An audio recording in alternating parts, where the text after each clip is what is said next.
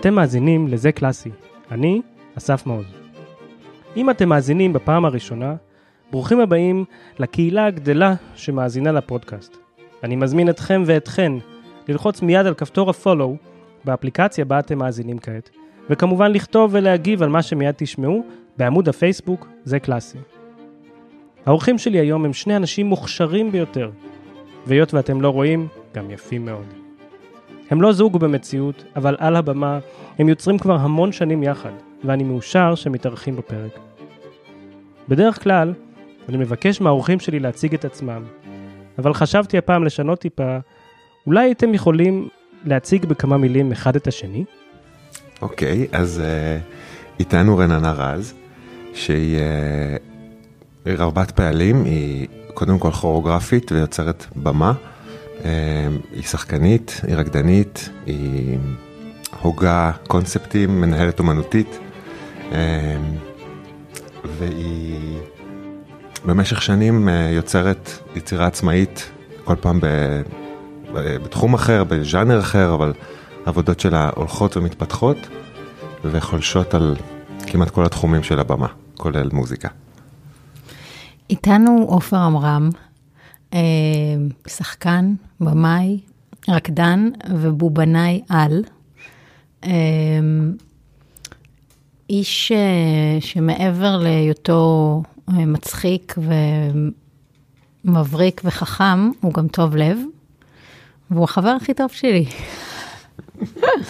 טוב, אז זו אחת ההקדמות הכי יפות שהיו לכל הפרקים.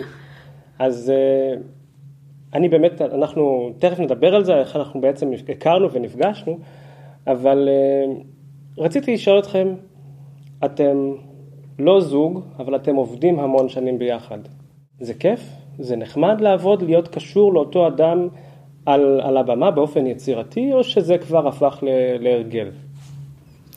קודם כל, אנחנו לא זוג, אבל יש לנו זוגיות בימתית רבת שנים. אה, אני חושבת שזה אה, דבר נדיר, שלא כל אחד זוכה לו. אה, למצוא מישהו ש...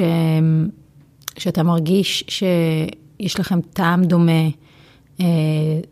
טעם אומנותי משותף, האופן שבו מתבוננים על במה במובן הרחב שלה בצורה כל כך זהה, ולהצליח להיכנס לחדר חזרות, לעבוד ביחד, להופיע, לעבור את כל האתגרים שהתחום הזה מציב, ועדיין אה, גם לרצות להמשיך לעבוד ביחד וגם להישאר חברים, אני חושבת שזה באמת משהו נדיר. אה, ואני מרגישה מאוד בת מזל ש, שזכיתי בכזה דבר. אני חושב שהחיבור בינינו היה כמו שאתה פוגש, אתה מגיע לתיכון ופתאום אתה פוגש את הבן אדם שאתה יודע שאתה תצלח איתו את הדבר הזה. אז כאילו התחברנו ככה די מוקדם בחיים, סיום הלימודים שלי. זה כמו שאתה עם החבר הכי טוב שלך, אז לא יודע אם אתה זוכר, אבל בתיכון אתה כל היום ביחד, אתה בבית ספר, ואחרי זה אחרי הבית ספר, ובלילה אתם ישנים אחד עם השני, זה כאילו, אתה לא רוצה, כי אתה חווה את כל החיים איתו, די, כאילו כל מה שקורה מבחוץ. אז אנחנו פשוט המשכנו את זה לאורך, לא יודע כמה, 20 שנה, 20 ומשהו שנה. אמ, ואז, אה, אתה יודע, זה לא משנה אם אנחנו רואים הצגה ביחד ומדברים עליה, או נכנסים לסטודיו ויוצרים משהו, או, ש, או שחושבים על משהו, או ש... זה פשוט, אה, כמו שרננה אמרה, אתה בן אדם ששותף לך בראיית העולם, אם כי שונה ממך, ויש הרבה דברים שהם עניין של טעם, שיותר ככה או היא ככה, אבל בעיקר היה אה, הפריה הדדית בתחומים שכל אחד מאיתנו כזה יותר למד, או התמקצע בהשכלה הגבוהה שלנו נגיד, וגם בתיכון, ומאיזשהו שלב זה פשוט התמזג לכדי, אה, אנחנו, עם כל מה שיש לנו, עם כל הידע שלנו וכל מי שאנחנו, אנחנו ביחד עובדים. כן, אז, אה, וזה גם, אה, בתוך זה גם קיבל ופשט צורות כל הזמן. זאת אומרת, אה, לפעמים אנחנו יוצרים משהו ביחד לגמרי, לפעמים אני משחקת בהצגות של עופר, לפעמים הוא משחק בעבודות שלי, זה, זה כל הזמן, המודלים בתוך זה משתנים מאוד. אז כשהצגתם אחד את השנייה, נתתם כל כך הרבה טייטלים, כל כך הרבה שמות לכל אחד מה, מה, לשני, בובנאי, שחקן ורקדן, ואת אה, כוריאוגרפית ושחקנית וזמרת. לא, אני לא זומרת.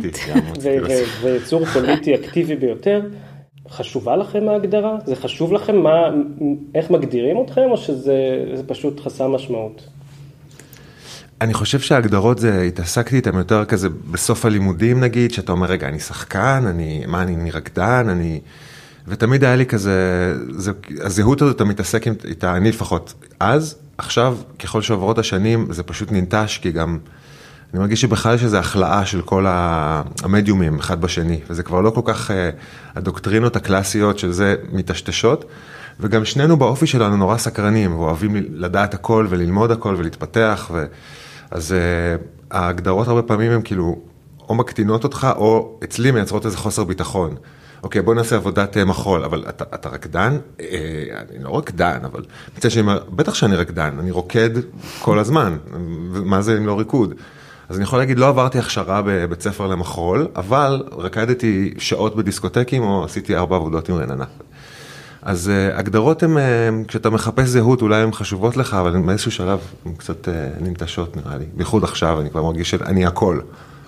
לי יש יחסים מורכבים עם הגדרות, כי אני מרגישה שכמו שעופר אמר, הגדרות הרבה פעמים הן רוצות ללכוד משהו, אבל מה שהן עושות זה הן מצמצמות משהו. מצד שני, אני מרגישה שהרבה פעמים אה, יש איזו מערכת של ציפיות שמתגלמת בתוך ההגדרות האלו, והרבה פעמים יש משהו בלעשות תיאום ציפיות, שזה דבר חשוב בחיים. אה, אני רואה את זה הרבה פעמים עם, אה, עם קהל שבא לעבודות שלי. אז נגיד אם יש לי איזושהי הופעה שאני יודעת שהיא לא הופעת מחול, כלומר מי שמעניין אותו עכשיו לראות עבודה קוריאוגרפית ורקדנים וירטואוזים, הוא לא ימצא את זה בעבודה. והרבה פעמים זה, זה, אני מרגישה את הקושי הזה של כאילו להגיד זאת עבודת מחול, למרות שאני תוצר של עולם המחול, אני התחלתי לרקוד בגיל חמש, אני, אני מרגישה שהגוף בשבילי, זה, זה הנקודת פתיחה, זה הצומת של כל הדברים, אבל, אמ, ואז לפעמים הרבה פעמים אני מרגישה דווקא מהזווית של הקהל, בא לי כאילו להסביר להם מה, אתם, מה זה הדבר הזה. ואז אני כן צריכה את ההגדרה, אני רוצה להסביר, זה לא מחול כמו שאנחנו רגילים להגדיר מחול, אלא זה מחול ב... ושם לפעמים אני נכנסת לאיזושהי, לאיזשהו בלבול, בעיקר גם, כמו שעופר אמר, בגלל שהדברים שמעניינים אותי הם מאוד מאוד רחבים. אז, אז גם העודף אינפורמציה הזאת, להגיד לבן אדם, אני עושה גם מחול, גם תיאטרון, גם בובנאות, גם, זה, לפעמים זה כאילו, גם העומס הזה לא מועיל. אתה, בסופו של דבר, אנשים רוצים דברים מאוד מאוד... אה, אה, בהירים ו- וקלים לתפיסה. אז אני לא יודעת, יש לי בשנים האחרונות, אני אומרת יוצרת רב-תחומית, וכאילו אני אומרת, סבבה, זו מטריה מספיק רחבה שאני יכולה להיות מתחתיה, מצד שני יש מלא אנשים ששואלים אותי, מה זה יוצרת רב-תחומית? אז כאילו הגעתי לאותה, לאותה בעיה שוב פעם. אתם זוכרים מה העבודה הראשונה שעבדתם עליה יחד? בהחלט. בוודאי. מה הייתה?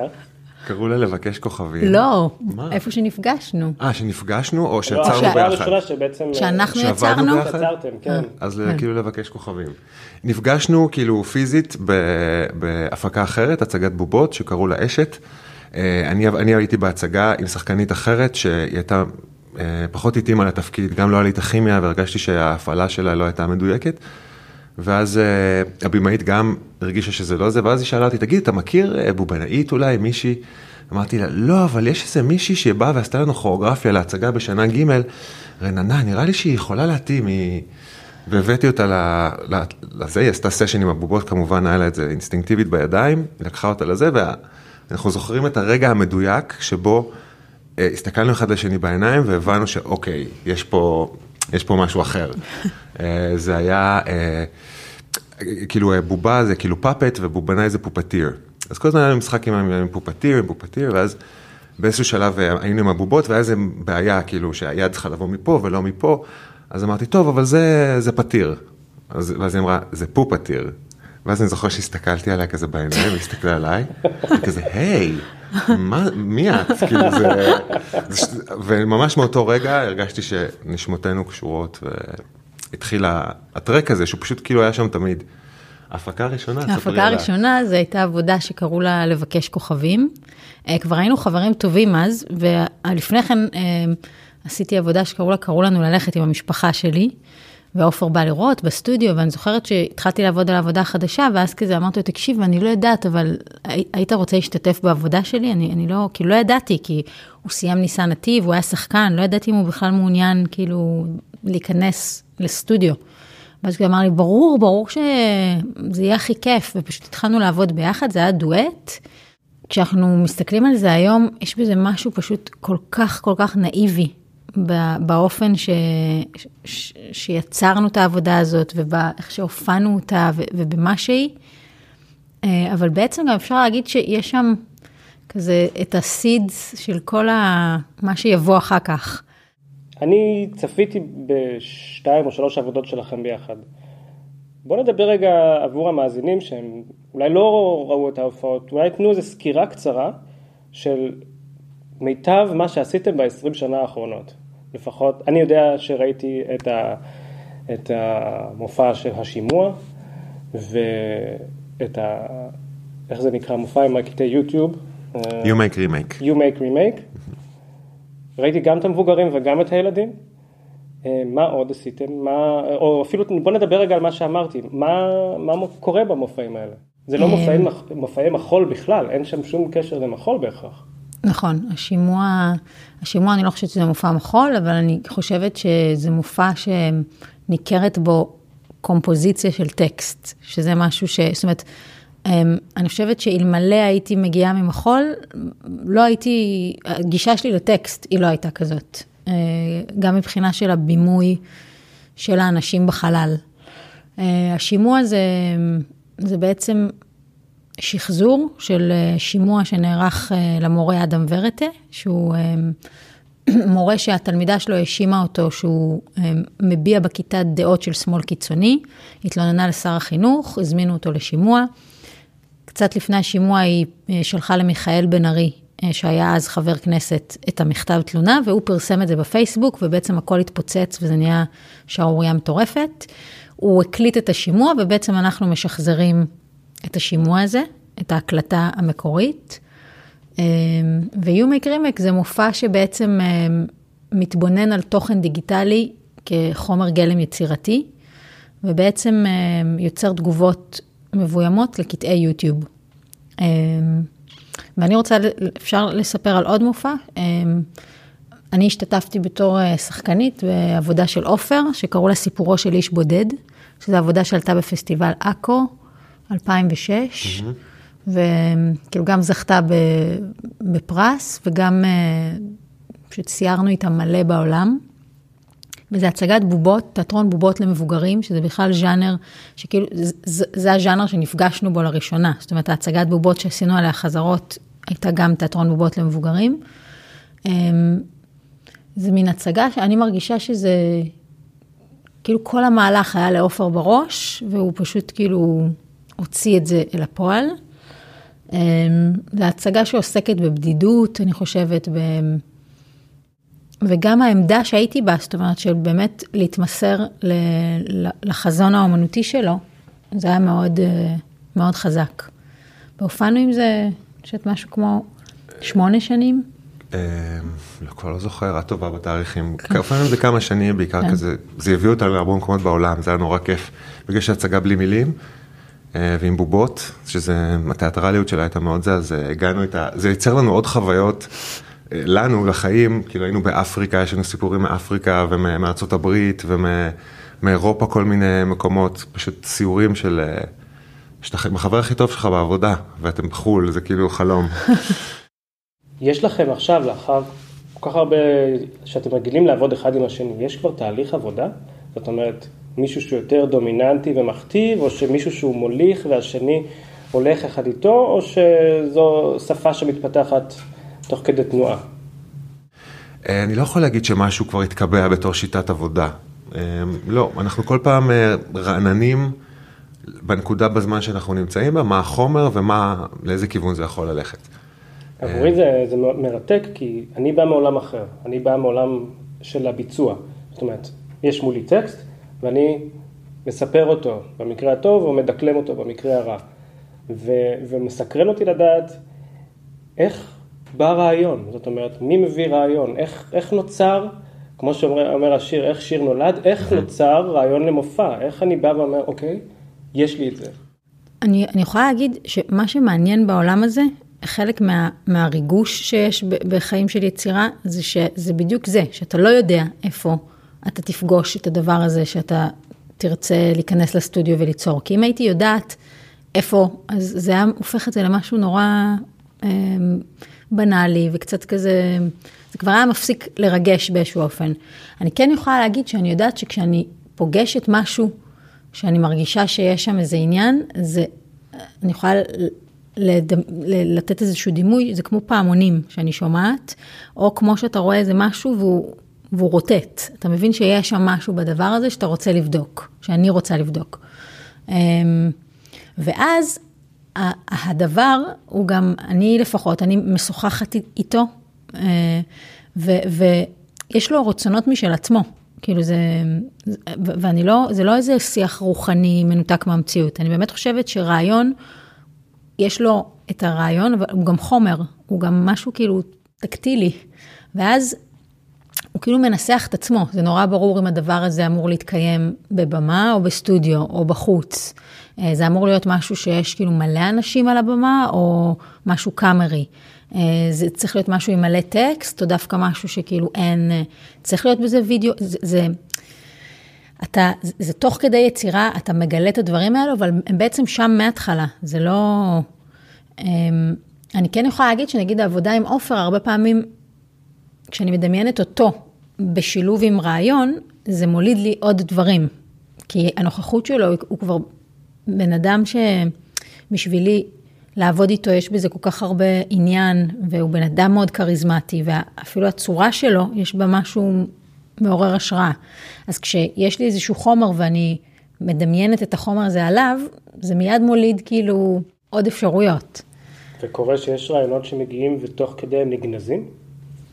יש משפט שתמיד מלווה אותי, שעופר אמר לי, ממש כשרק התחלנו לעבוד ביחד, שזה שרעיונות לא טובים נושרים מעצמם.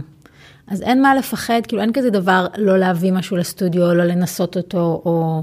אתה מנסה הכל, ואתה סומך על זה שהרעיונות הטובים, they stick, וכאילו מה שלא אז נופל. והדבר השני זה שאני כן חושבת שהעובדה שאנחנו כבר עושים את זה 20 שנה, מאפשר לנו לא, לא להיות ב, בלחץ ש, שאין, אתה נכנס עם רעיון, אתה יודע שבסוף הולך לצאת לך משהו. ואז האופן שבו אתה יוצר הוא לא אה, חרדה ולחץ ומתח, זה דברים ש, שהיו, אה, אותי לפחות, תהליכי יצירה, זה ליווה המון המון שנים. תהליכי יצירה היו סוג של סיוט בשבילי, אבל זה טפו טפו טפו, כאילו זה, זה ממש עבר, ואני חושבת שזה עניין של ניסיון, של לסמוך על זה שאתה עובד ובסוף יצא משהו. אפרופו לסמוך על זה, אני חושב על זה גם שיש משהו בבסיס, שאני יודע שלא משנה מה, רננה על במה זה עובד. כאילו, לא משנה אם אנחנו מצליחים או לא, היא מעניינת והיא מחזיקה. ואני מניח שגם יש אותו לגביי, יש איזה אמון שאנחנו אף פעם לא מרגישים, אה, אין לנו כבר, אין לנו בדיקה עצמית ושאלות של, אה, יש כבר אחרי, שוב, אחרי כמה שנים של אה, ביטחון, וגם סוג של יעילות או תפקוד בזמן הופעה, כאילו, אנחנו מרגישים טיימינג דומה, אנחנו... זה כבר נהיה שפה, אפשר להגיד, שפת המופע שלנו, ו... ואנחנו סומכים על זה, אנחנו יודעים שאפשר להבהב ביחד, כאילו זה לא... תמיד כשאנחנו רואים משהו גרוע, כזה חסר מודעות של מישהו, אנחנו שולחים אחד לשני וכזה משביעים שאם מישהו רואה שהבן אדם השני במצב הזה, שכאילו יניף דגל אדום ויחלץ אותו מה... מהבור. אז באמת אתה מדבר על השפה הזו, ואני תוהה, יש כל מיני רקדנים או כוריאוגרפים שהם ידועים בשפה שהם יצרו. אז יש איזושהי שפת תנועה שהיא השפה של רעיונה ועופר, יש איזושהי שפה שאם אני או כל אחד אחר יבוא ויראה, יצפה באיזשהו מופע, יגיד, אה, ברור שזה רננה ועופר עשו את זה. לדעתי כן, אבל... Yeah, אה, כאילו, בוא נתחיל מזה שכשבן אדם בונה תנועות, הוא תמיד בונה אותן באיזושהי צורה מתוך הגוף שלו, בייחוד עם רננה, אני לא מדבר על להקת מחול שיש לך עכשיו רקדנים שהם כמו מריונטות ואתם יכולים לעשות מה שבא לך, אבל אתה כאילו, כשרננה בונה דברים, היא בונה אותם על הגוף שלה, וכבר כמו שאתה, היא אמרה, כשהיא בונה דברים איתי, היא כבר מדמיינת אותי. והרבה פעמים אנחנו יודעים, אה, אז כן, אז אני חושב שאפשר להסתכל על העבודות ולהגיד, הנה זה רננה, או שזה הכוריאוגרפיה של רננה, או זה הראש של רננה, או רננה ועופר. אמ, ויש איזה טאץ' כזה, הפינישים הם, הם שלנו, כאילו הסוג של ניקיון והדיוק ואפילו הבחירות, אה, לא ניסינו אף פעם להמציא את הגלגל, פשוט כל פעם עשינו גלגלים אחרים שעניינו אותנו, אבל לא היה איזה ניסיון לשבור את סגנון או, או להתעסק בסגנון, אני חושב, בכלל לא, אף פעם לא חשבנו על זה.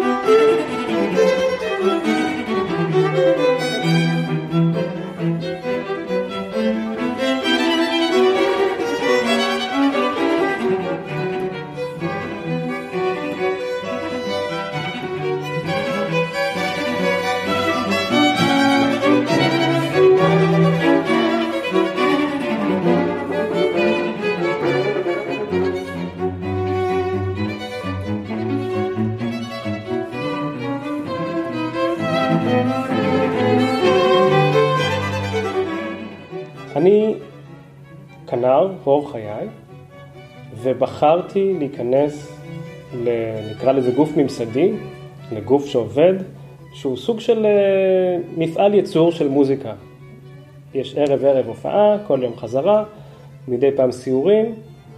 אה, יש לזה יתרון שזה משלם את חיי, זאת אומרת, זה, זה מפרנס אותי היטב. למה לא בחרתם גם להיכנס לאיזה ממסד כזה? הרי סביר להניח שאימא הייתה נורא גאה להגיד שהבת שלי בלהקת ווטאבר, או הבן שלי הוא משהו. זאת אומרת, כשאני התקבלתי לפילהרמונית, אז זה היה הג'וקר. הבן שלי בפילהרמונית. אז, אז מה, איך זה עבורכם? אני יכול לענות ממני ותעני ממך. אה, קודם כל, זה פיקציה. המוסדות האלה, מה שלמדתי, בייחוד אחרי שהייתי בהם, אתה יודע, לי בתור שחקן זה היה כאילו להיות באחד התיאטראות הרפרטואריים, הבימה או הקאמרי, זה כאילו וואו, מי שהתקבל... כן, יש לציין שעופר היה בצעירי הבימה. הייתי בצעירי הבימה, האמת שעבדתי בכל תיאטרון בארץ, באיזושהי קונסטלציה. כלומר, ביקרתי שם, עשיתי שם הפקה או עשיתי משהו. זה, זה ממש דברים שקשורים לצ... לנעורים שלך, להכרה הזאת, לזהות. אז אחרי שהייתי בהבימה כבר היה לי את הצ'ק הזה של אוקיי, אני שחקן, זה בסדר, I made it, עכשיו בוא נראה מה קורה הלאה. אז, אז לא, לא היה לי את הדבר הזה, ואפילו יותר מזה, מה שאתה מתאר, זה נשמע לי כמו חנק. זה כאילו, אתה בא לאותו מקום, אתה תמיד תעשה, אני גם רואה שחקנים שהם ברפרטוארי, כן, יש להם את ההצגה הזאת והיא יורדת וההצגה עולה, אבל אתה כאילו, זה, לא אגיד מנוון, כי זו עבודה לא מנוונת, אה, יצירה. אבל היא, אתה, איך נגיד, אתה תשמיל לאיתך במשך השנים, אתה כאילו, you're comfortable. ומשהו בחוסר, אה, חוסר בסיס הזה, חוסר עוגן, הוא, הוא קשה מאוד, ואני יכול לספר לך כמה פעמים, זה הגיע למצב שלא היה לי פרויקטים באופק, או סיימתי פרויקטים, אני לא יודע מה יהיה לי, אין, אין לי מושג, אימה. ואני מגיע לסופר פארם ואני רואה את הבחור שיושב שם וכאילו מעביר את הדברים, ואני אומר, אני מקנא בך. לא משנה שאתה רק יושב פה ומעביר מוצרים בקופה, אבל אתה הולך כל יום בבוקר, אתה מחתים כרטיס ויש לך משכורת ואתה עושה את העבודה. כמובן שהזכרתי לעצמי, לא, לא, לא, זה לא, שם גם אתה תתערף אחרי שנייה, אבל זה, זה המשחק הזה של אני רוצה עוגן ובסיס, אבל אין את זה באמת בתיאטרון, לא יודע, במחול יש את זה, כאילו, יש, יש בכוח של ההתמדה, שאתה ממשיך לעשות את זה עוד ועוד ועוד, ואתה בוחר מזה מחדש כל פעם, שהוא כן משאיר אותך בעניין. אני חושב שזה מה שקורה לנו, אנחנו אף פעם לא רצינו לנוח על השמרים, או, ש, או שנורא רצינו להתקבל להיות באיזה להקה. אני חושבת שזו שאלה מאוד uh, עמוקה, מה ששאלת, לפחות uh, אם אני מסתכלת על החיים שלי, אני חושבת שמאז ומתמיד יש לי שני קצוות, של אחד שרוצה את הדבר המסודר הזה ואת הדבר הממוסד הזה, uh, אל מול הדבר הזה שרוצה לערער על המסגרת ולפרק אותה, ואני חושבת שפשוט... Uh, גם החלומות שלי מאוד היו קשורים למסגרות. אני נורא רציתי לרקוד בלהקת בת שבע, אחר כך רציתי להתקבל לאיזה בית ספר מאוד אה, מפורסם בחו"ל. החיים כאילו לא, לא זרמו איתי בקטע הזה. אני תמיד הייתי מגיעה לשלבים האחרונים ו- ונדחית. ו- ויכולתי להתמרמר על זה, אבל יכולתי שנייה להקשיב לדבר הזה, לקול הזה. ואני חושבת ש...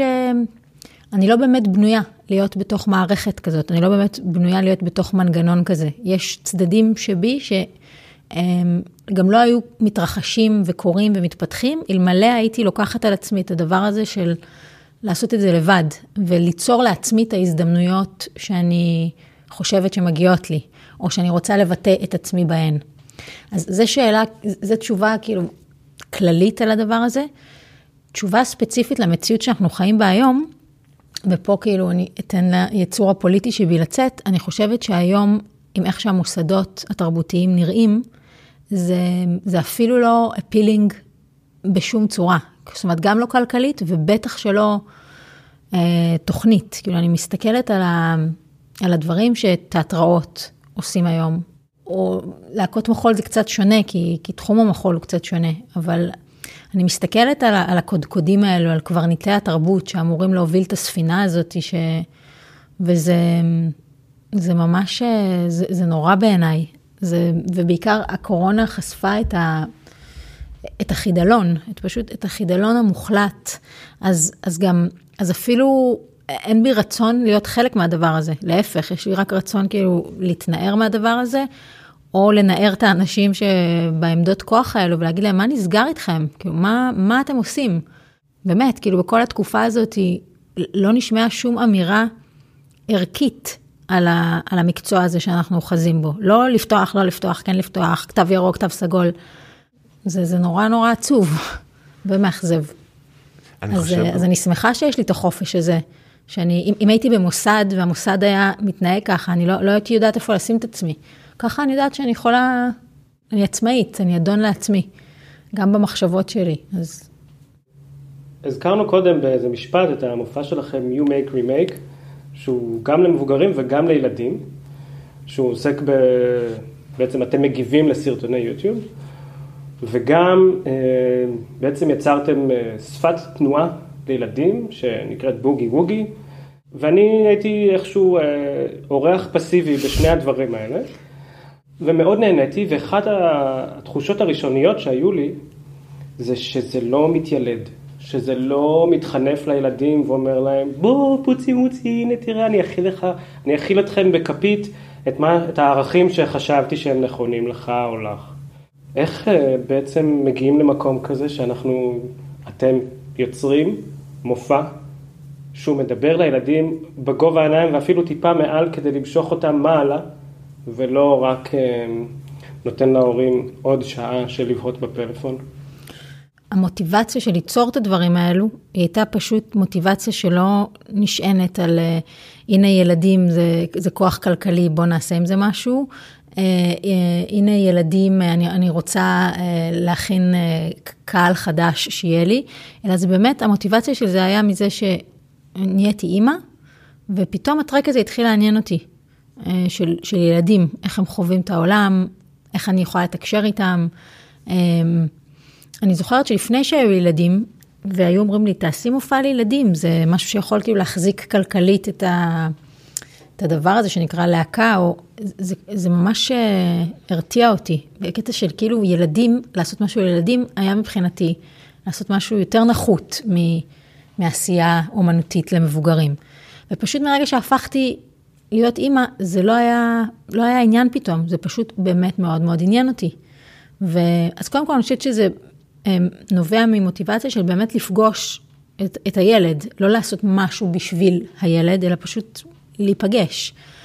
אמ, אני חושבת שהעובדה שאנחנו מלמדים אה, בוגי ווגי ופוגשים ילדים על בסיס שבועי, לפעמים פעם בשבוע, לפעמים יותר, אז אנחנו גם מרגישים שאנחנו מכירים, מכירים את האנשים האלו, זה לא משהו מדומיין כזה ילדים, ילדים אוהבים שעושים להם פרצופים ואוהבים ש... אנחנו פשוט מכירים את, הדינמיקה הזאת. והדבר האחרון, אתה אומר, הרבה פעמים כשמדברים על הצגות לילדים, אומרים כאילו לא להתיילד. וזה נכון, כי זה לא שאני אומרת, אתה משחק עכשיו כאילו אתה ילד, אבל יש משהו, לפחות מבחינתי, שלי, אני מרגישה את ההשפעה שלו. כשאני פוגשת ילדים, אני מרגישה שזה דבר שמזין אותי מיידית, באופן שהאנרגיה הילדית זה משהו שיש לי, וכשאני באה במגע עם ילדים, אני מרגישה שהיא היא, היא בעצימות גבוהה. ו, ולכן אני לא אומרת שאני מתיילדת, אבל אני בהחלט, ב, באזורים האלו, כשאני מופיעה לילדים, אני מתחברת לאיזה, לילדה ש, שבתוכי. וזה גם משהו שאני לוקחת אותו אחר כך כשאני מופיעה למבוגרים. אני מרגישה שזה איזשהו אה, מנוע, שלהיות מחובר אליו זה, זה כמו לחבר פלאפון ל, להטענה. אני אגיד את זה באופן מוזר, אבל אה, הכי הטרו שאפשר לומר את זה, הרגע שהתאהבתי בך על הבמה, זה כשהייתי במופע הזה, ואתה פתאום אומר איזשהו משפט, ויש לך קול סקסי בטירוף. שהוא שובה, לב. עכשיו, אני תמיד הייתי מאוהב בקולות של גברים. אבל תמיד הייתי מאוהב בקולות של גברים, ויש משהו לא צפוי בלראות אדם שהוא בעצם רוב חייו עסוק בלא לדבר, פתאום פותח את הפה ואומר איזה משהו, והוא פשוט שובה את לבך. עכשיו, אני אה, אומר את זה גם מנקודת מבט של הבת שלי.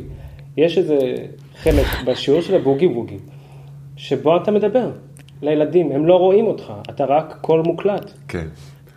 והרשמים שלה הכי חזקים מהשיעור זה תמיד, אבל אופי מופי, שזה הדמות שלך בשיעור של בוגי כן. ווגי, אופי מופי אמר ש... אני, אני לא יודע אם אתה מודע לכוח של הקול שלך, זה... אז זה ככה, קודם כל להגיד על אופי מופי, שבכלל את הבוגי ווגי חשוב להגיד יצרו רננה והילה שליט ו... טל בורשטיין. וטל בורשטיין. אה, אני, יש דמות של אופי מופי, שזה בעצם רעיון שהיה לבנות, שברגע מסוים יש קול, נוקשים ברצפה ויש קול שאומר לילדים מה לעשות. אה, עכשיו, לזחול על הרצפה, לעוף כמו פרפר, לא משנה, כל מיני כאלה דברים, כמובן זה מתפתח. וזה קטע שאני, דיברנו עליו הרבה. אה, אני אוהב אותו כי יש בו, זה בכלל הוויכוח שיש בינינו, בעיניי זה כאילו תמצית הפשיזם. למה הכוונה? מישהו אומר לך משהו לעשות, וכמה כיף וקל זה שפשוט אתה רק צריך לציית. פשוט, אתה פשוט מתמסר ועושה את זה, לא צריך לחשוב, לא צריך להתווכח עם זה. זה נורא נורא מהנה לציית לפקודות, בייחוד שאתה מרגיש שאתה סומך על הדבר הזה. לגבי הכל, אז אה, זה גם... אה, גם אהבתי כאילו לדבר, אני גם עשיתי קצת דיבובים וקריינות, ואני אפילו הקול של לכבות פלאפונים בסוזן דלל. זה אני, קהל נכבד, אנא קבעו את מכשירי, וגם יש תדרים, ראיתי שיורדים ממש ממש נמוך, זה ממש גורם לאנשים להרגיש נינוח. זה כיף, אני הרבה פעמים מרגיש שאני לא מדבר בכלל בקול שאני אמור לדבר בו. אני אמור לדבר אולי ככה, אם הייתי... אבל בגלל שאני ילד, אני הרבה יותר ברגיסטרים האלה. הוא גם שר ממש יפה. את זה עוד לא שמעתי. אני ממליצה. בהזדמנות.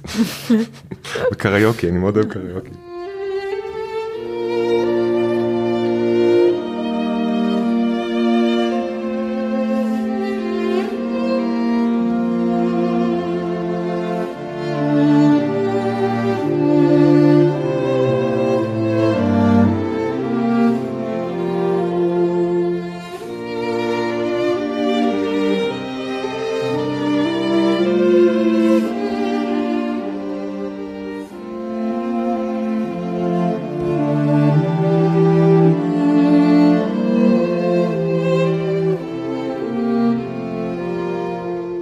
אתם מרגישים שהציפייה של הקהל או הצורך של הקהל הוא השתנה, שהוא רוצה את הכל טיפה יותר רדוד, טיפה יותר מונגש, מילה שאני מאוד לא אוהב. זאת אומרת, האם אתם תיצרו היום מופע שיהיה קצת שונה? כי אנחנו היום בעולם שהמציאות צריכה להיות זריזה, קלה, פשוטה, תבחרו את המילה שתופסת אתכם. אתה נוגע בנקודה שהיא, אני חושבת, אה, אקוטית ל, ל, לעולם שלנו, מכיוון שאומנויות במה בנויות על, על נוכחות, על לשהות במקום, להתמסר ל, לזמן, אמ, והדבר הזה הוא הולך ונהיה יותר ויותר מאתגר ויותר ויותר קשה להרבה יותר אנשים. עכשיו השאלה, מה אתה עושה עם זה? אמ, זה כשלעצמו, אני חושבת, דבר מעניין לחקור אותו במדיום בימתי. אמ, אני חושבת, אני יכולה להעיד על עצמי כל מיני דברים שקרו בקורונה, אין לי ספק שהם יהדהדו ביצירה שלי, כי אני מאמינה שהאומנות היא רפלקטור של החיים, והפוך, זה לא משהו מנותק מה, מהמציאות. אה, אני לא חושבת רק שהפתרון זה בואו נעשה הופעות מהירות ו... לא, בואו ניקח את השאלות שעלו בתוך התקופה הזאת ונביא אותן לתוך המדיום אה, התלת-ממדי, המדיום שאתה לא יכול להקפיץ אה, את העכבר אם משעמם לך, ו, ונחשוב מה, מה ההזדמנויות שהתקופה הזאת גם מייצרת, ולא רק את החסמים. לפני שנתיים בערך, רננה ואני ישבנו פה באיזה בית קפה, וניסינו לחשוב ביחד על מופע של רביעיית מיתרים ורקדנית, לא יודע, כוריאוגרפית רקדנית, ובעצם התחלנו ב... לחפש יצירות ולחפש איך נחבר אותם ואיזה שפה ניצור שם. ומתוך הפגישה הזו בבית קפה נולד מופע שהופענו איתו לא מעט פעמים, שנקרא 16 מיתרים וגוף אחד. עכשיו, בשם המופע יש שקר, כי בעצם גם עופר הוא חלק מהמופע. ועכשיו אני עושה ספוילר, בהנחה שהמופע הזה לא יעלה עוד הרבה פעמים, כי אנחנו לא יודעים מתי יהיה הופעות. אל תגיד, יעלה. אבל מה שבעצם אני רוצה לספר, זה שהיה לנו זכות מאוד גדולה לקחת את המופע הזה ולהופיע איתו בהונג קונג. ובעצם הגענו, נחתנו בהונג קונג באחת התקופות הכי מוזרות ש... שהיו שם אה, בשנים האחרונות. בעצם הגענו לשם באותה תקופה כשהיה שם הפגנות ענק, שמיליוני אנשים יצאו לרחוב, והופענו במקום סימבולי מאוד, שהיה פעם בית כלא, שהפך להיות מקום יפהפה שמארח מופעי תרבות וקרקס ופשוט מקום מהמם ביופיו. והיו שם ארבע הופעות, ערב ערב, כשככל שחלפו הימים היה לנו פחות ופחות קהל כי אנשים חששו לבוא כי הם פחדו מהמשטרה. הרגשנו שם מאוד בטוחים כזרים מצד אחד, מצד שני לא היה לנו הרבה קהל כי הם לא באו. היה איזה ערב שכמעט התבטלה ההופעה כי עובדי הבמה שהפעילו את ההופעה לא ידעו אם יוכלו טכנית להגיע לאולם, כי האוטובוס שהם נוסעים בו פשוט לא נסע, כי הייתה הפגנה. את מרגישה, או אתם מרגישים, שמשהו כזה היה יכול וצריך לקרות פה? אמ, ראשית, אני חייבת להגיד שאנחנו מדברים על, אה, נסענו בספטמבר 2019, נכון? נכון? אה, זה היה לפני מחאת בלפור. אני חושבת ש... זה, ש, זה שדבר כזה צריך לקרות פה, ברור.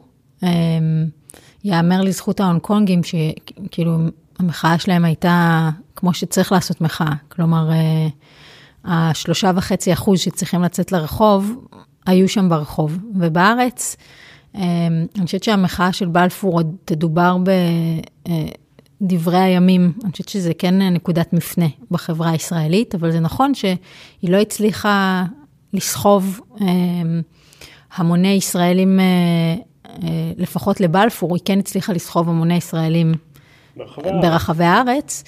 אמ, והרבה בגלל האנשים שפחדו לזהות את עצמם עם, עם שמאלנות. אמ, אני חושבת שזה מאוד מאוד קשור בעיניי ל... זה איזושהי מראה גם לעולם התרבות והאומנות שיש לנו בארץ. מופע שאיתו הופענו כבר עלה מספר פעמים לפני כן בארץ. הגענו די מוכנים. וכשהגענו, היה לנו שלושה ימים של חזרות וארבעה ימים של הופעות.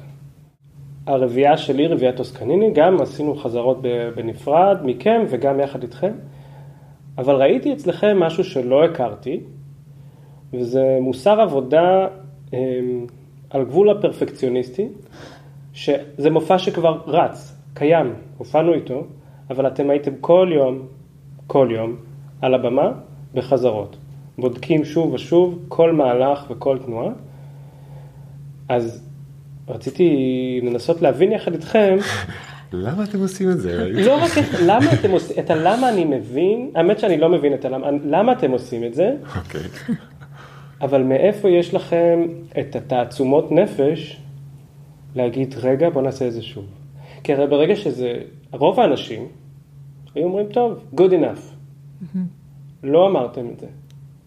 מה, איך יודעים מתי זה, זה טוב? איך יודעים מתי אפשר לשחרר או להגיד, אוקיי, בוא נלך הביתה או נשתה כוס בירה? אני חושב, יש, קודם כל יש שכשאתה מגיע לאולם חדש, יש תמיד אה, התאמות שאתה צריך לעשות. צריך להכיר את הספייס שאתה עובד בו.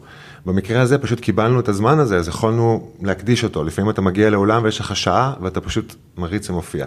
כן. לגבי לעשות עוד פעם, אתה, אתה רוצה להרגיש נורא נורא בנוח, אתה רוצה להרגיש שאתה יודע, שאתה יודע מה הולך לקרות, ו, וזה, ואין מה לעשות, כי זה כמו שעושים בלנס לפני הופעה של הכלים, או שעושים הגברה. אנחנו צריכים כאילו להריץ את זה, קודם כל להתחמם, ואחר כך להרגיש את זה בגוף ולהרגיש אחד את השני. ויש משהו ב... לעשות את זה עוד פעם ועוד פעם, זה, זה ממש לא מעייף, זה להפך, זה, זה מחמם, זה מאיר, זה... מה גם שאתה כאילו כל פעם בודק מחדש, דברים צריכים להיבדק כל הזמן, אז אתה כאילו פותח את זה מחדש ובודק את זה, אולי אנחנו גם עושים שינויים קטנים פתאום, או אה, ספציפית בהונג קונג, היינו רגילים עם במה מרובעת לבמה די מלבנית ודי שטוחה, וגם, אז כל ה setting השתנה, ו... רצית להגיד משהו? אני מסכימה לגמרי עם מה שעופר אומר, ויחד עם זה, אמ, אני גם לא באה להגן על זה, זאת אומרת, לפעמים זה באמת הרגלים שאני מרגישה שהם נורא קשורים לעולם המחול, שזה עולם מאוד מאוד סיזיפי, שאתה רגיל שאתה פשוט עושה כל דבר 20 פעם. למה? ככה. והרבה פעמים זה, זה גם דבר שצריך לבחון אותו, ויכול להיות, אני מוצאת את עצמי, שלפעמים יש לי איזה אוטומט שם, שאני פשוט, אה, מה, כאילו שלושה ימים לפני הופעה אני לא אעשה, יום לפני הופעה אני לא אעשה רן, יומיים לפני הופעה אני לא אעשה רן, שלושה ימים, לא, אולי את לא צריכה לעשות רן, אולי כמו שאתה אומר, המופע הזה עלה כבר, יש לי ניסיון של 20 שנה על במה, אולי אני יכולה להרגיע, זאת גם אופציה. אמ, אז, אז זה, זה שילוב של כל מה שעופר אמר, פלוס זה שיש שם איזה הרגל קצת אובססיבי. אמ, זה מזכיר לי סיפור שכשעבדתי עם אבא שלי, שהוא לא רקדן בשום צורה, אמ, הוא היה עושה דברים, ואז הייתי אומרת לו, יופי, אבא, בוא נעשה את זה עוד פעם. אז הוא אמר לי, אם יופי, אז למה עוד פעם? וזה כאילו תמצית, כשהוא אמר את זה, זה אמרתי, וואלה, כאילו בן אדם עם היגיון בריא, הוא לא מבין למה צריך לעשות עוד פעם, הוא עשה את זה טוב. אז uh, אני לוקחת מזה גם משהו. כאילו, אם, אם דברים הם טובים, אז לפעמים אפשר לעזוב אותם. במופע שלנו יחד, יש אלמנט שהוא כנראה שונה מרוב מה שאתם עושים בדרך כלל, שזה אנחנו הנגנים נמצאים live על הבמה, אנחנו שם. אנחנו לא איזושהי הקלטה שחוזרת על עצמה שוב ושוב. עבורנו זה, זה כיף, כי זה קונצרט פשוט שקורים בו המון דברים חדשים לנו. אבל איך זה עבורכם? לנו קודם כל זה מדהים שהמוזיקה קורית. אה, אני חושבת ששנים של אה, מוזיקה שמגיעה ממערכת סאונד, אה, פתאום מוזיקה שמתהווה, כמו שהתנועה מתהווה, או זה, זה דבר שהוא כל פעם, הוא overwhelming מחדש, ובאיזשהו אופן, המימד הזה של, של הקשבה, זאת אומרת, באמת, אני הרבה פעמים מרגישה שאנחנו באמת מנגנים ביחד. או רוקדים ביחד לצורך העניין. זאת אומרת, נדרשת פה, זה לא אתם עושים את שלכם ואנחנו עושים את שלנו. זה באמת אה, משהו הדדי מאוד. ויש בזה, יש בזה משהו ששומע אותך מאוד ערני, סקרן, ו... ואתה מרגיש את האורגניות של זה, את זה שזה זה קורה עכשיו, זה מתהווה עכשיו, וזה לא דומה למה שזה היה לפני הופעה. זה מדהים. אני, אני חייב לספר לך שיש... היה לנו קונצרט רביעייה לפני כמה שבועות, וניגענו, במופע שלנו יש אה, שני פרקים מתוך רביעייה של בטהובן, וניגענו את אחד הפרקים, והגענו לאיזושהי נקודה שבמופע את צורחת שם. ופליקס ואני, תוך כדי נגינה, התחלנו לצחוק. כי דמיינו בראש את רננה צורחת, וזה היה כל כך מצחיק שאני טעיתי תוך כדי קונצרט, כי פספסתי כניסה שם, אה, בגלל לא. שדמיינתי את מה שקורה במופע איתה. אז בעצם מה שקרה זה שנכנסתם לנו לתוך המוזיקה, אנחנו מופיעים, מופיעים אתכם, גם כשאנחנו לא מופיעים איתכם את, ה, את היצירות האלה.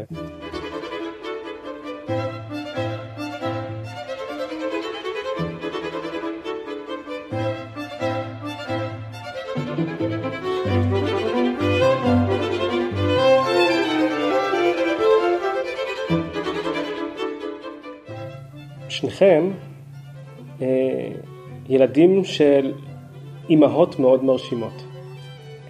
אה, והייתי שמח אם נקדיש איזה רגע כל אחד אה, יתאר באיזה כמה מילים את, את האימא שלו ואולי איך זה השליך על, ה, על המציאות של היום.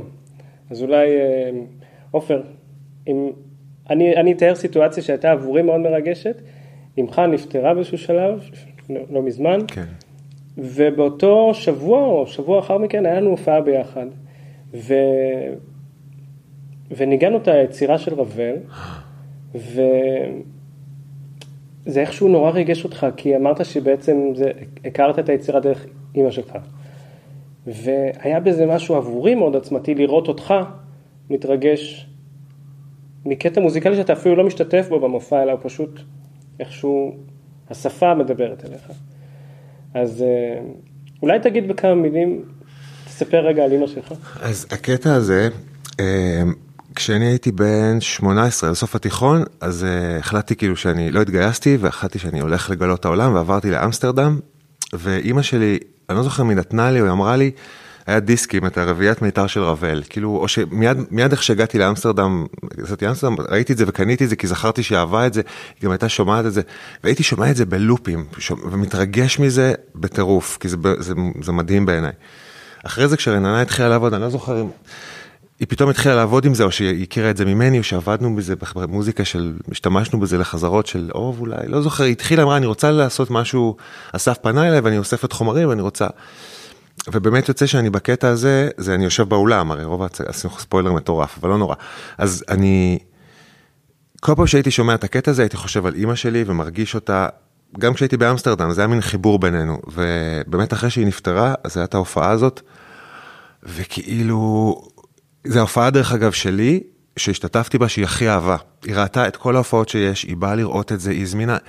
אתה יודע, עשיתי המון דברים, אבל משהו, בגלל שזה כאילו המוזיקה שהיא הכי אוהבת, עם תנועה של רננה, מנוגן בחי, שהיא אף פעם לא שמעה את זה, זה היה בשבילה, היא לא יודעה את נפשה. ו, ו, וכאילו, להיות שם אחרי שהיא נפטרה, זה ממש היה בלתי ניתן להכלה. אני עדיין מאבד את זה, זה קרה לא שנה וחצי, קצת יותר, אבל um, היא... היה לה פנסיון לחתולים, היא ניהלה, היא בעצם תמיד אהבה חתולים, אפילו אני הייתי אומר קצת יותר מאנשים, היה לה יותר נוח איתם. והיא עזבה את ירושלים ועברה למושב, והתחילה ל...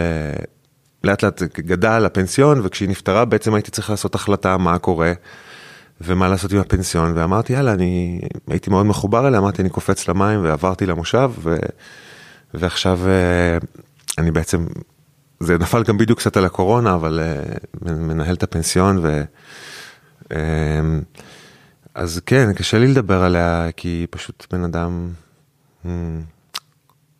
קשה לי, הגדרות, קשה לי לסכם אותה בכמה משפטים, אבל היא, היא הייתה אחראית ל...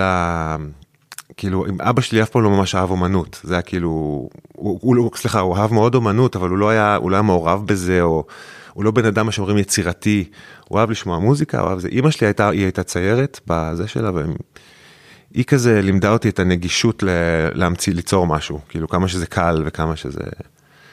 וכן, היא עדיין הייתי, היא... פרויקטים? אימא שלי, אמ, קודם כל יש לה, אני תמיד אוהבת לספר על המקצוע שלה, כי אני מרגישה שהמקצוע שלה זה לא רק אמ, איזשהו טייטל, אלא פשוט זה אומר הרבה על, על מי שהיא בפנים. היא, היא רבה רפורמית, אמ, והתכונות שאני מרגישה שזה לוכד, זה היא אישה מאוד מאוד חכמה. אני חושבת שהיא אחד האנשים הכי חכמים שאני מכירה. אמ, מאוד מאוד רוחנית, האופן שבו היא תופסת את החיים. אמ, והעמדה הזאת של להיות רבה, כלומר, מין אה, דמות כזאת שחדורה באיזושהי שליחות. ואני חושבת שאני, יש דברים שאני מאוד מזהה את עצמי מאוד בה, או דרכה, וזה לפעמים אזורים שהם לא קלים לי.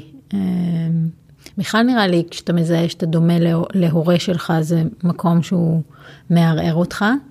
אמ, אבל יש בזה משהו ש... שלפעמים אני מרגישה שבגלל שאני כל כך דומה לה, אז לפעמים מאוד קשה לי איתה. היא תמיד הייתה זאת שאמרה שבן אדם צריך לעשות בחיים את מה שהוא אוהב, היא דיברה על זה שלכל אחד יש את הייעוד שלו בחיים, שהנשמה שלו בחרה, ואני חושבת שזה דברים ש... כאילו גדלתי עליהם, הם נראים לי מאוד מאוד טריוויאליים, אבל אני מבינה היום שברוב המשפחות זה לא עובד ככה. זאת אומרת, ברוב המשפחות יש איזו חתירה ל... למקצוע ול, ומדברים על כסף, וכאילו על מה המקצוע הזה ייתן בחיים, והיא מעולם לא דיברה איתי ב-level הזה. והיום גם כשאני אימא, ואני יודעת ש, שזה לא פשוט לא לדבר ב-level הזה, כי אתה כן רוצה שהילדים שלך, יהיה להם איזושהי הכנסה ועתיד, והיא מעולם לא גרמה לי להרגיש, אה, לתהות על אם לבחור להיות אומנית או לא, אני חושבת שזה המון המון בזכותה. זה שפשוט אה, אני בתוך העולם הזה, פועלת ו, ומאמינה שצריך ליצור, והמון המון בזכותה. מהי העבודה שעוד לא יצרתם? שעוד לא יצרתם יחד? יש, יש עוד מלא מלא דברים לגלות, ו, ופתאום אה, עכשיו למשל אנחנו בחזרות, אפשר לספר על זה? אנחנו בחזרות, כן. לרננה קרא ספר, אה, נקרא הספר הכי משעמם בעולם. והיא רוצה לעשות את ההצגה הכי משעממת בעולם, הצגה שנגיד נשענת או בהשראת הספר. ואנחנו עכשיו עושים את הדבר הזה, וזה אומנם הצגת ילדים, אבל זה לא כמו שום דבר שעשינו קודם בתהליך. אה, אנחנו עובדים, אנחנו נפגשים פעם בשבוע, אנחנו עושים מין מחקר כזה, שאף פעם לא ממש עשינו, תמיד דמיינו ועשינו. פה יש לנו ממש כזה, זה משהו חדש, כאילו זה... אז שנמשיך לחפש פורמטים ולחפש עניין. אני חושבת שזה גם, כמו שאמרתי בהתחלה, זה חלק מהכיף, שאנחנו עוד לא יודעים מה אנחנו הולכים לעשות. זה בטוח נעשה דברים, אבל אנחנו עוד לא יודעים... מה זה, כן. אם היית אומר לנו כשעשינו את לבקש כוכבים, שבשנת 2015 נמצא את עצמנו עושים את השימוע, שזה שחזור של פרשה פוליטית שהייתה, כאילו, אני אומר לך, מה? מה? איך זה קשור? ואז זה, זה קורה, אז כאילו חלק מהעניין זה האבולוציה של מעניין תראיין אותנו עוד חמש שנים, מעניין מה, מה נעשה בזמן הזה. אני מאוד שמח שהזדמן לי לחלוק איתכם במה, אבל בעיקר לבלות איתכם את הזמן הזה, ואני ממש מודה לכם שהצטרפתם לפרק הזה, לשיחה הזו, והלוואי ובאמת בעוד עשר שנים ניפגש שוב, נקליט את הפרק המשך ונגלה כמה יצירות חדשות עשיתם בעוד עשר שנים, או אני לא יודע מה. אולי תהיה גם עוד יצירה משותפת. הלוואי, אני חותם עכשיו על עוד עבודה משותפת איתכם. יאללה. יאללה, אז תודה רבה. תודה רבה, היה כיף. מדהים.